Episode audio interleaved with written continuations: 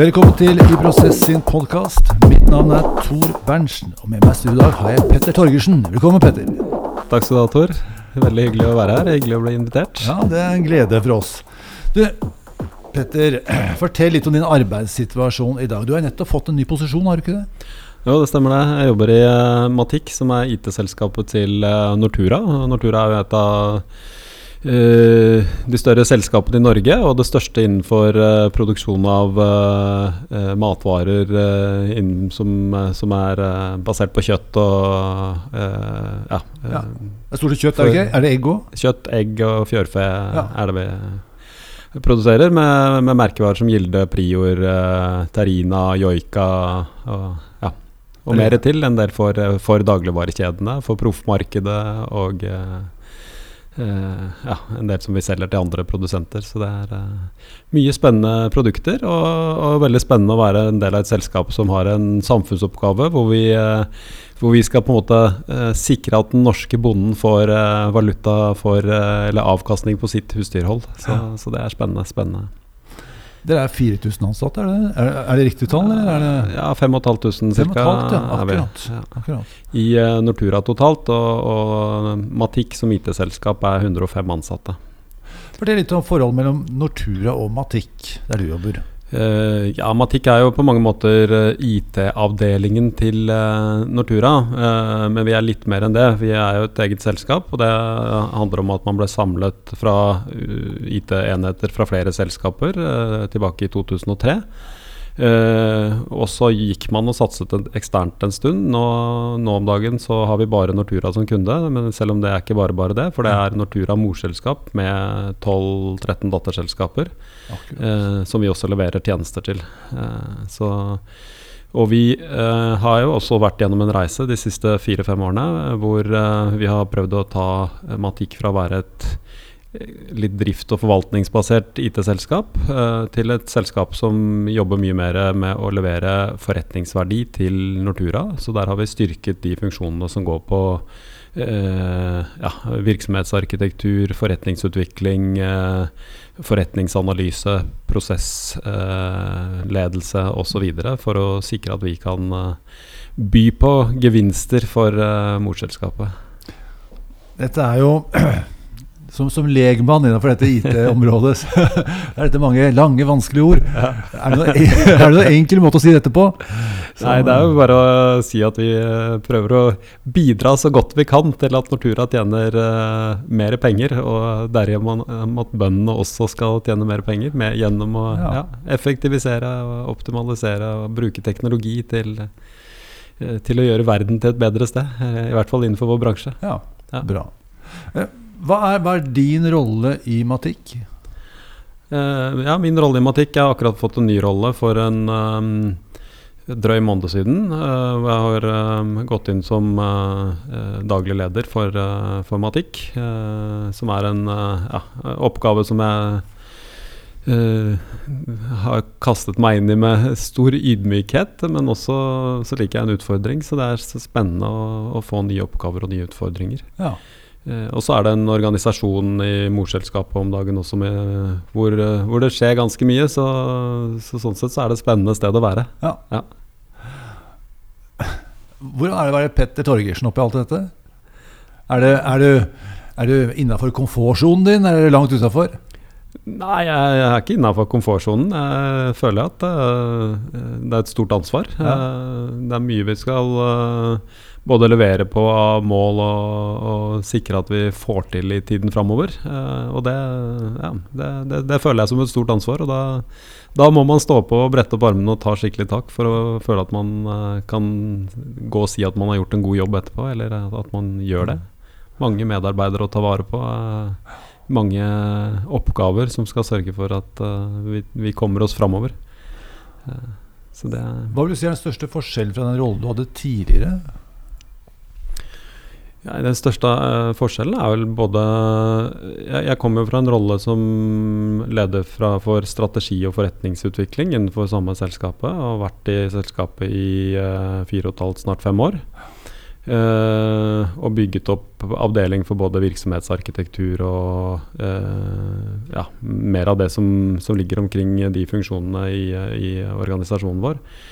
Uh, jobbet egentlig også som nettsteder, hatt ganske stort ansvar i Matikk. Men det å få det totale ansvaret og være den som på en måte tar beslutningene for alle medarbeiderne og skal ta vare på alle medarbeiderne og sørge for at alt går rundt i det daglige, at vi leverer prosjekter uh, som vi skal osv. Det, det er et større ansvar som ja. jeg kjenner på. Mm. Ja. ja. det skjønner jeg. Så. Du, jeg har reflektert litt rundt rollen til IT, og kanskje IT-direktører den siste tiden. Uh, for ja, la meg si en fem-ti år siden da, så, så vil jeg påstå at IT-direktøren var en slags kanskje IT-folka var en slags handyman, moderne handyman som, som løste problemer. Ikke sant? Som ga deg verktøy utstyr og løste problemer. Man kunne ringe til IT og få liksom support og sånt. Det kan sikkert i dag òg, men, men nå er jo dette, jeg har inntrykk av at dette er helt snudd. at Nå, nå legger ikke nå legger IT premisser, og det er en sånn integrering i forretning som er helt annerledes. Kan du si litt om den rollen der? For du har vært med en stund? har du ikke? Jo, jeg har vært i bransjen i 20 år. Og så ser jeg hva du sier i forhold til at IT var kanskje mer enn noen som leverte det eh, den andre siden av forretningen ba om og bestilte hele veien ja, ja. tidligere. Nå er man mye mer med på å styre og sette premissene. Og uh, se, også se på på en måte hele virksomheten som helhet. Uh, driver vi effektivt, driver vi godt? Er det noe vi kan gjøre bedre, både prosessmessig og på ja, forretningsmessig?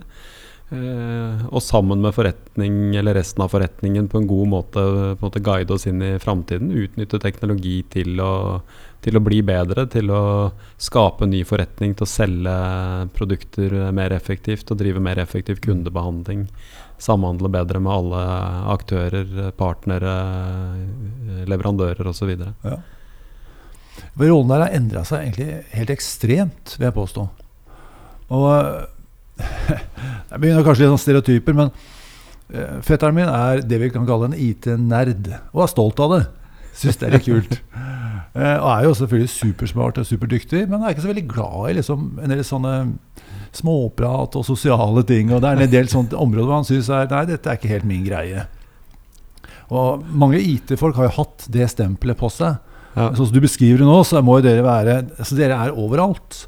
Dere må snakke med alt. Dere må forklare kompliserte ting til alle. Ja, men jeg tenker at I vår organisasjon, som i alle organisasjoner, så er det jo Man har jo disse stereotypene som man på en måte trekker fram eh, som, uh, som en som jobber med IT, eller en som jobber med økonomi, eller, ja, eller andre former. Men vi er jo også en masse forskjellige folk med ulike personlighetstyper og preferanser. og Noen er mer sosiale, og noen er mindre sosiale. Noen er introverte, noen er ekstroverte. Jeg tror at det handler om å sette sammen gode team og, og få mennesker til å jobbe sammen på en god måte. Uh, for å, uh, ja, både internt og med kunder og leverandører. For å få hjulene til å gå rundt skikkelig og, for å skape resultater. For det tenker jeg, den der rollen som dere er inne i, og det er jo enorme endringer vi snakker om. Både innenfor det IT, skal si, fagtekniske. Der skjer jo jeg syns det skjer revolusjoner hvert femte år eller tiende år. hvert fall. Det skjer mye innenfor fagområdet om dagen, ja, så ja. man skal henge med i svingene. Ja, det må det. Absolutt. Så dere må, dere må være flinke til å lære dere nye ting, og dere flinke til å kommunisere dette til hele organisasjonen. Ja. Så skjer det mye i samfunnet ellers òg, da. Det gjør det. Er det sånn at dere er liksom litt sånn endringsspesialister? Hva tenker du om det? Jeg vet ikke om vi er endringsspesialister, men vi må jo i hvert fall sørge for at vi øh, på en måte får folk til å ta i bruk den nye teknologien, får folk til å se at det fins uh, nye måter å gjøre ting på, får, folk til å se mulighetsrommet. Ja. Uh, og det handler om like mye følelser som, som fornuft, tror jeg. Uh, og så handler det om å guide folk gjennom den prosessen med å gå fra å jobbe på en måte sånn som man har gjort det en periode, siden man endra seg sist gang, ja. til nye måter å jobbe på. og det er alltid vanskelig. Og der er det forskjell på mennesker igjen, tenker jeg. Hvor, uh, hvor villige vi er til å gå inn i nye endringer. Da. Hvor uh, risikovillige vi er, og hvor åpne vi er for, uh, for sånne ting. Ja. men det er jo en utrolig spennende komponent i jobben, syns jeg. Ja, det er bra.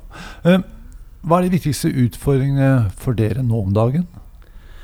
Ja, nå om dagen så står vi oppe i et stort ERP-implementeringsprosjekt uh, som uh, har vart i ja, egentlig fire og et halvt år, nesten fem år siden vi starta foranalysen. Selve hovedprosjektet har gått i tre og et halvt år. og det er i en brytningsfase hvor man går over fra å ha bygd mye av funksjonaliteten i, i prosjektet til å rulle ut prosjektet til fabrikkene våre. Og det er svært forretningskritisk. Hvis det skjer noe gærent, så får det store konsekvenser. Ja. Eh, samtidig så har eh, Nortura som konsern eh, ikke gjort det så bra som vi hadde håpet det siste året. Vi har gått med mindre overskudd, og det gjør at økonomisituasjonen er litt anstrengt. Og da får feilsituasjoner større konsekvens. Så det å eh, balansere det å optimalisere oss på kostnader, levere feilfritt og samtidig skulle hjelpe Nortura inn i framtiden med ny, eh, nytt ERP-system, nytt produksjonssystem, eh, eh, nye løsninger helt fra økonomi og innkjøp til eh, til fabrikkgulvet, det, det, er en krevende situasjon. Ja, det høres. Men det, det er en spennende situasjon. spennende og krevende. Jeg skjønner at du og lærerikt. jeg skjønner den komfortsonen. Du er, går sikkert inn og ut av den hele tida. Altså. Du, du, har gjennomført vår EMI, altså endringsmodnet indeks. Eh, dere har jo tydelig, tydeligvis vært i endring lenge. Er dere modne til å, til å gjennomføre de endringene dere står overfor? Blir man noen gang moden? Hva tenker du om det? Ja, man blir vel aldri moden nok, tenker jeg. Jeg tror at uh, i Nortura så er man en uh, ja, Kanskje ikke en kultur som har vært vant til å endre seg så mye og så ofte som en del av de store selskapene som Telenor og, og, og, Posten vil jeg også peke på som et selskap som har jo vært gjennom en vanvittig endringsreise. Ja. Og så gjør man jo selvfølgelig alltid endring i Nortura også. Men vi er ikke så prosjektstyrt organisasjon, da, så gå inn i et sånt uh, uh, åpen hjerteoperasjon-prosjekt uh, som det å skifte ut hele, hele ERP og produksjonssystemene i fart er. Det, det er en krevende, krevende, øvelse for konsernet. Ja. Og, og, der ser jeg også at det er krevende fordi vi, sitter, vi er mange ulike mennesker som besitter ulike kompetanser og har ulik inngangsvinkel til å være med på et sånt prosjekt. Ja. Så det er også krevende å, å guide folk gjennom, gjennom det å, å, håndtere oppgavene sine innenfor et prosjekt ja. og i linja, og samtidig få Nortura framover på en god måte. Endringsledelse er jo sammensatt, og som du beskriver nå det, Du er jo oppe, kanskje en av de mer komplekse variantene av det. Vi skal fremheve én ting som du tenker at er spesielt viktig i en sånn situasjon som du beskriver nå. Hva vil det være? Eh, at alle er med. At alle ser at selv om man er enig eller uenig, så må man eh, være en del av prosessen og jobbe eh, disse nye løsningene, disse nye leveransene, den nye måten å jobbe på man må jobbe det fram. Mm. Hvis man begynner å kjempe for mye imot på ulike ståsteder, og vi ikke får vi ikke står samla, så ødelegger vi for oss selv fra innsiden. Eh, så vi må samle oss. Eh, alle må ha felles mål, eh, og alle må stå for det målet. Eh, og, og, være om bord med begge beina ja. Og gå i den retningen som gjør at vi lykkes å komme fram på andre siden. Ja, og Skal man få utbytte av endringen, så må man ta den innover seg, liksom tilpasse ja. til den. Det, ja, så må man opprettholde hastigheten på endringen. For det å stoppe opp og det å få pauser er fryktelig dyrt i sånne prosjekter. Eh, og, og, setter jo både prosjektene og selskapet i stor risiko. Så her tror jeg det er viktig at man eh, eh man evner å på en måte holde jevnt trykk og jevn framdrift og gjøre ting ryddig, ordentlig, etterrettelig hele mm, veien. Mm og ta vare på menneskene oppi det samtidig. Og det er vanskelig. Det er en krevende utfordring, vil jeg si. For uh, i perioder så er det ekstremt høyt arbeidspress. Det er mange som jobber mye og, og blir slitne og syns dette er krevende. Og det setter jo også et spesielt både press og ansvar på oss som er ledere, for å legge til rette for at medarbeiderne har det bra oppi krevende situasjoner. Ja. Uh, at de føler at de blir ivaretatt, at de føler at de uh, har rammebetingelser for å lykkes. Men tilbake til deg. Hva gjorde at du ble leder? Er det noen uh, spesielle hendelser eller episoder bak, bak ditt valg av det lederskapet? Det har jeg lurt litt på selv også. Jeg, jeg var ikke noen sånn person som strevet etter å ble, bli leder uh, i utgangspunktet. Jeg ønsket å være fagperson og, og lære meg uh, IT og teknologi og lære meg å programmere og meg, lære meg å lage løsninger. Uh, men i ulike situasjoner så har jeg blitt spurt om å være leder. både prosjektleder, men også Eh, i linjeledelse helt fra tidlig i arbeidskarrieren min. Så jeg har gått litt inn og ut av ledelse, inn og ut av lederoppgaver og fagoppgaver.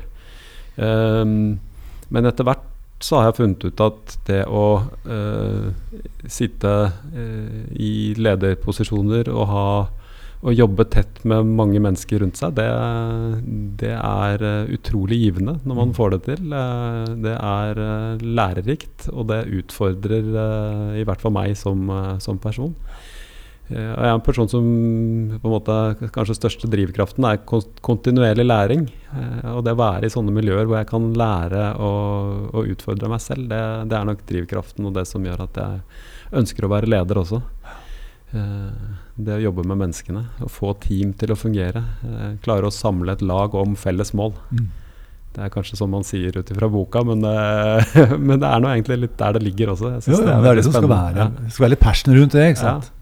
Og jeg trives som aller best i de, i de periodene hvor vi, hvor vi, er på en måte litt sånn grupper som kanskje består av Eh, ulike uh, mennesker fra ulike fagområder som klarer å på en måte jobbe utrolig godt sammen. Da, utfylle hverandre og, og, ha en god tone og, og, utfordre hverandre litt, men samtidig får til noe. Ja. Får til en endring. Det er, det er spennende, syns jeg. Det er mange trender i ledelse. Jeg kan bare nevne noen sånn. Altså, det har vært uh, trender på Nå skal alle standardisere. Så skal alle effektivisere.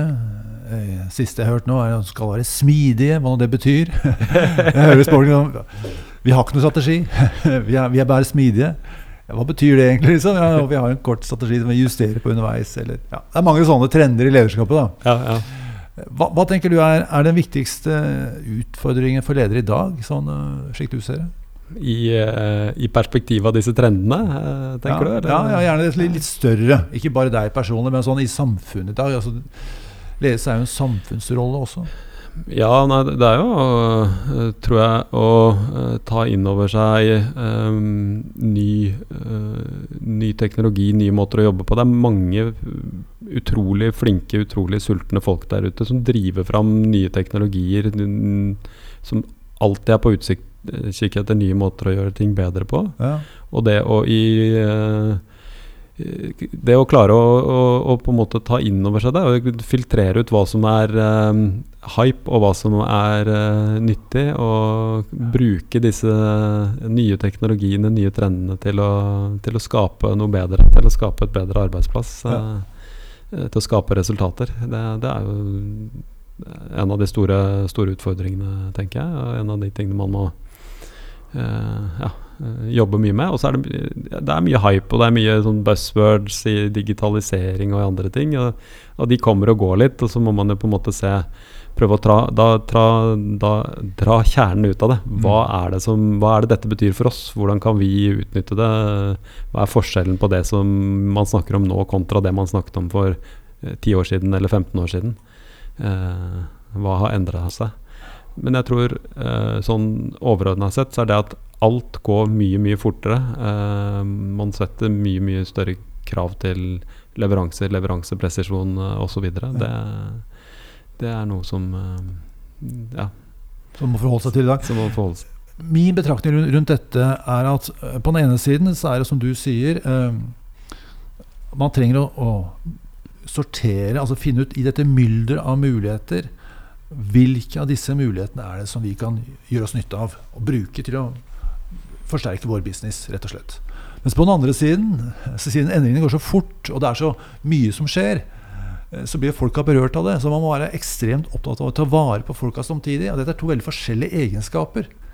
Jeg innbiller meg at du, du er midt oppi det. Kan du si litt om din måte å betrakte det på?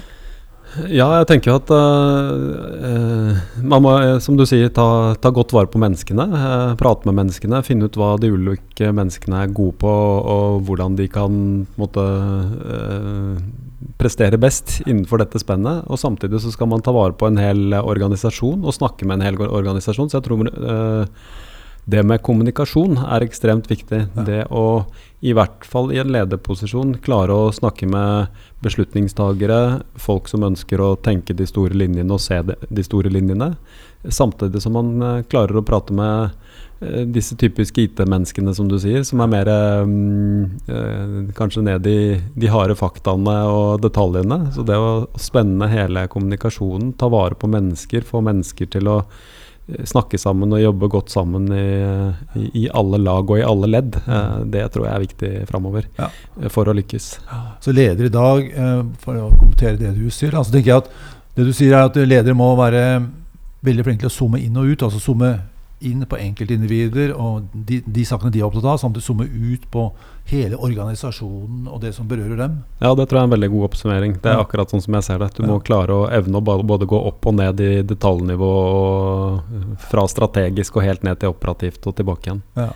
For å få med oss folkene så tenker jeg det er viktig å bygge en, en, kultur som omfavner endringer. Eller, liksom liker å gjøre nye ting og, og være kanskje litt sånn eh, kreative. Har du noen tanker om hvordan man bygger en sånn uh, kultur?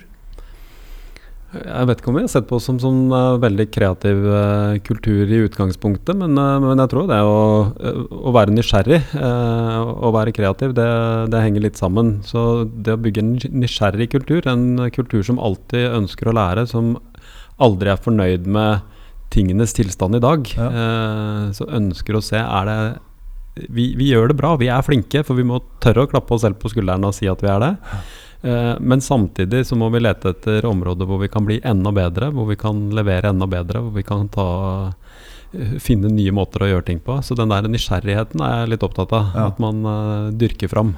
Det er litt sånn komplisert budskap. For på ene sida har du lyst til å si vi er skikkelig gode, og så punktum det er godt nok. Ja. Men så skal du samtidig si ja, vi er skikkelig gode, men vi må bli bedre. Og da høres det ut som at vi er ikke gode nok likevel.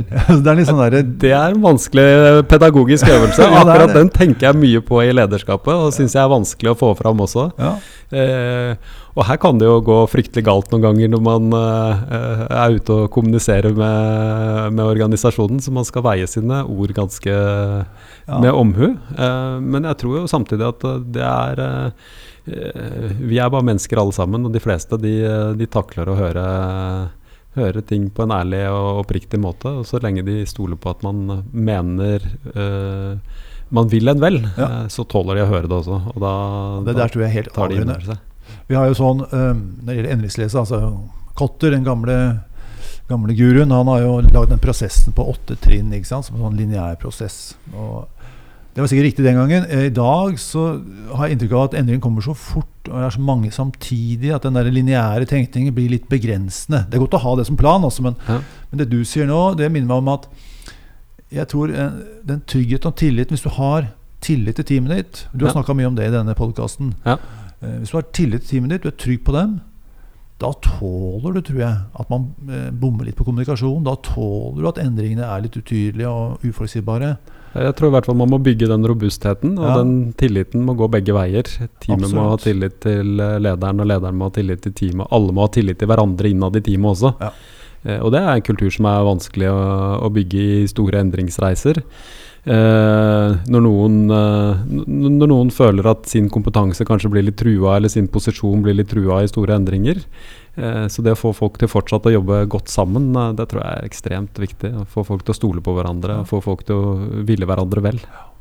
Sånn relasjonskompetanse hos lederne, det er kanskje det som er den helt avgjørende forskjellen på denne perioden, da. Ja, det tror jeg blir viktigere og viktigere. Ja. Ja. tidligere skulle man kanskje ha litt avstand. og eh, Tillit var kanskje ikke helt avgjørende, for det var ikke så mye som skjedde. Man kunne få trygghet i forutsigbarhet istedenfor.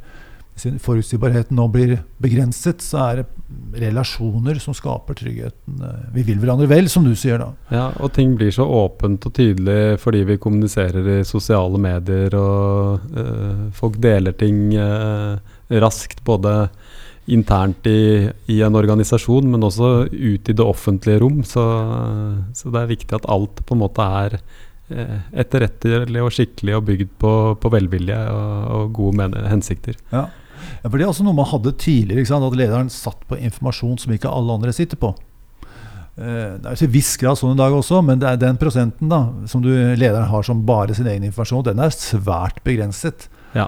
Eh, så det er klart at du må tenke deg hvilke holdninger har du bak valgene, hva er hensikten, og hvor vil du med det. det dette blir jo veldig mye mer gjennomsiktlig, og du må ha tenkt igjennom det. Altså, hvis ikke så blir du avslørt, for folk er jo smarte. Ja, ja. Men du, hvordan eh, måler du suksess for deg som leder? Hvis du har en skikkelig bra dag på jobben, dette er liksom Wow, dette likte jeg godt. Hva er, eh, hva er kjennetegn på en sånn dag som det?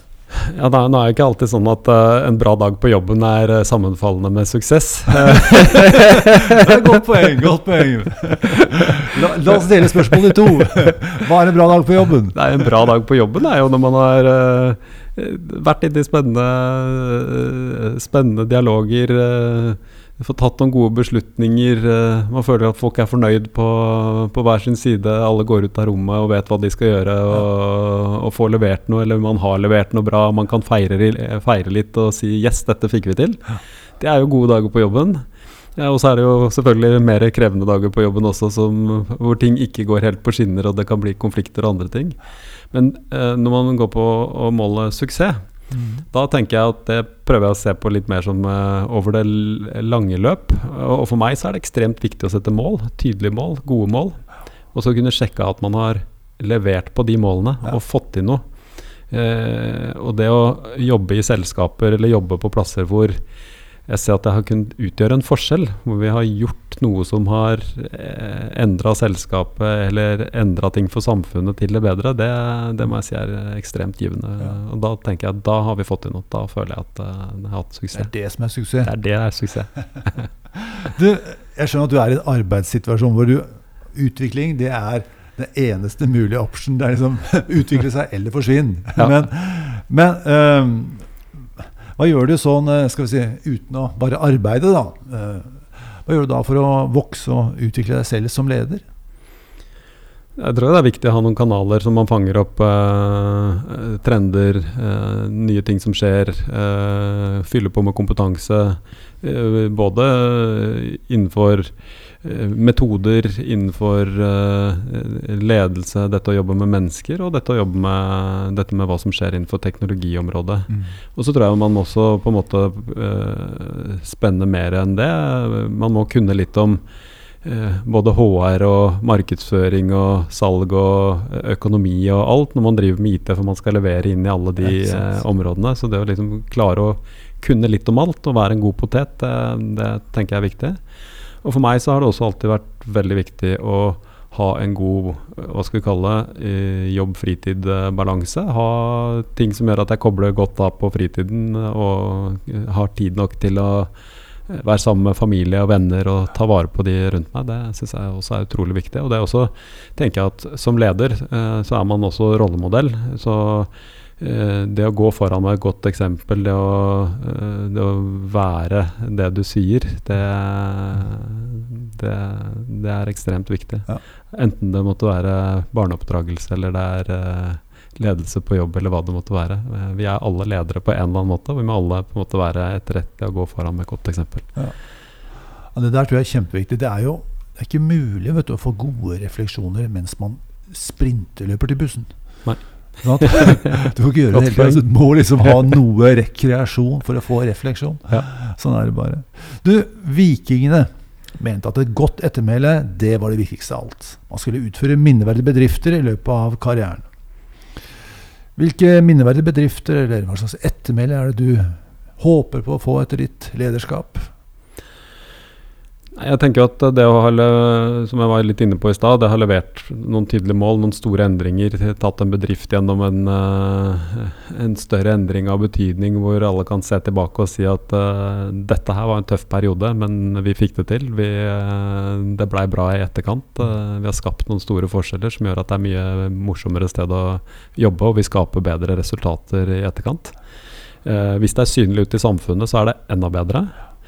Um, men mest av alt så tror jeg jo at et godt ettermæle for meg er uh, uh, at de menneskene jeg har, jeg har, jobbet sammen med, kan si at uh, han var en stå-på-kar, han var en real-kar, han var en ærlig og åpen kar som, som leda på en god måte.